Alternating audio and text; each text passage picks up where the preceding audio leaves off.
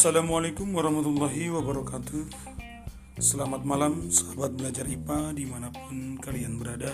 Semoga sehat senantiasa dan semangat terus dalam belajar. Oh iya sahabat belajar IPA Dipersiapkan cemilan, minuman dan juga headsetnya. Malam ini kita kembali bertemu dalam pembelajaran IPA di bagian kedua tentang klasifikasi makhluk hidup yang mana di malam kemarin kita telah belajar tentang apa itu klasifikasi, tujuan serta manfaat. Dan malam ini kita akan melanjutkan materi tentang klasifikasi makhluk, makhluk hidup tersebut, yaitu tentang macam-macam klasifikasi makhluk hidup. Sahabat belajar IPA yang saya banggakan, ada bermacam-macam sistem klasifikasi makhluk hidup dan sistem klasifikasi ini berkembang mulai dari yang sederhana hingga sistem yang lebih modern dan kompleks. Yang pertama, dari macam klasifikasi makhluk hidup ada yang disebut dengan sistem artifisial atau buatan. Sistem yang dimaksud dengan artifisial atau buatan itu adalah sistem yang mengelompokkan makhluk hidup berdasarkan persamaan ciri yang ditetapkan oleh peneliti sendiri. Misalnya, dikelompokkan berdasarkan ukurannya, bentuknya, serta habitat atau tempat tinggal makhluk hidup. Penganut sistem ini antara lain adalah Aristoteles dan Theopratus. Kemudian yang kedua, klasifikasi makhluk hidup ada yang disebut dengan sistem natural atau alami.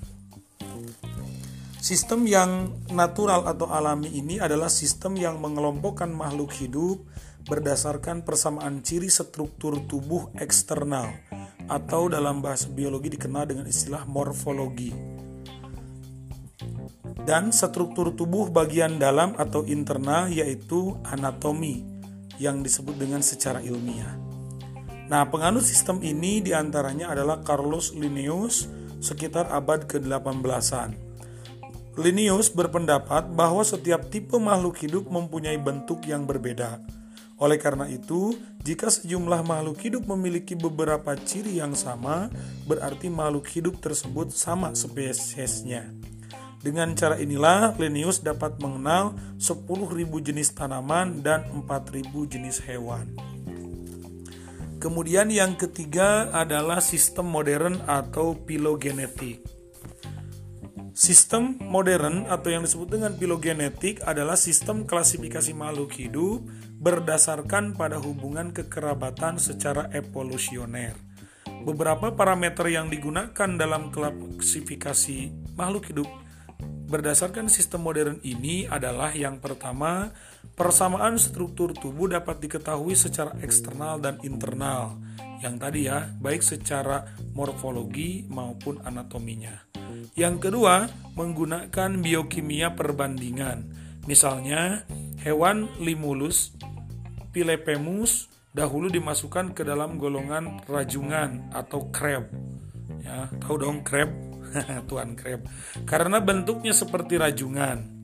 Ya, keyup. Nah, tetapi setelah dianalisis darahnya secara biokimia terbukti bahwa hewan ini lebih dekat dengan laba-laba Berdasarkan bukti inilah, maka Limulus polyphemus dimasukkan ke dalam golongan laba-laba, tidak digolongkan ke dalam krep atau rajungan.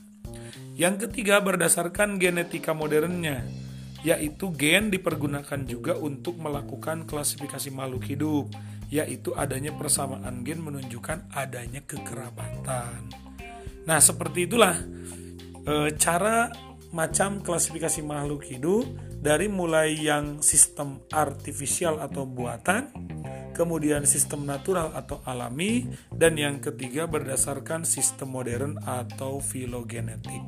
Ini bisa kita perdalam dalam pertemuan e, secara khusus nanti ke depannya untuk membahas tentang macam klasifikasi makhluk hidup ini. Dan nanti ada yang dikenal dengan bapak taksonomi ya sistem filogenetiknya. Nanti kita akan bahas ke depan lebih dalam. Baiklah sahabat belajar IPA untuk macam-macam klasifikasi makhluk hidup Kang Yudi kira sampai di sini cukup. Dan besok akan dilanjutkan kepada cara klasifikasi dan tata nama ilmiah.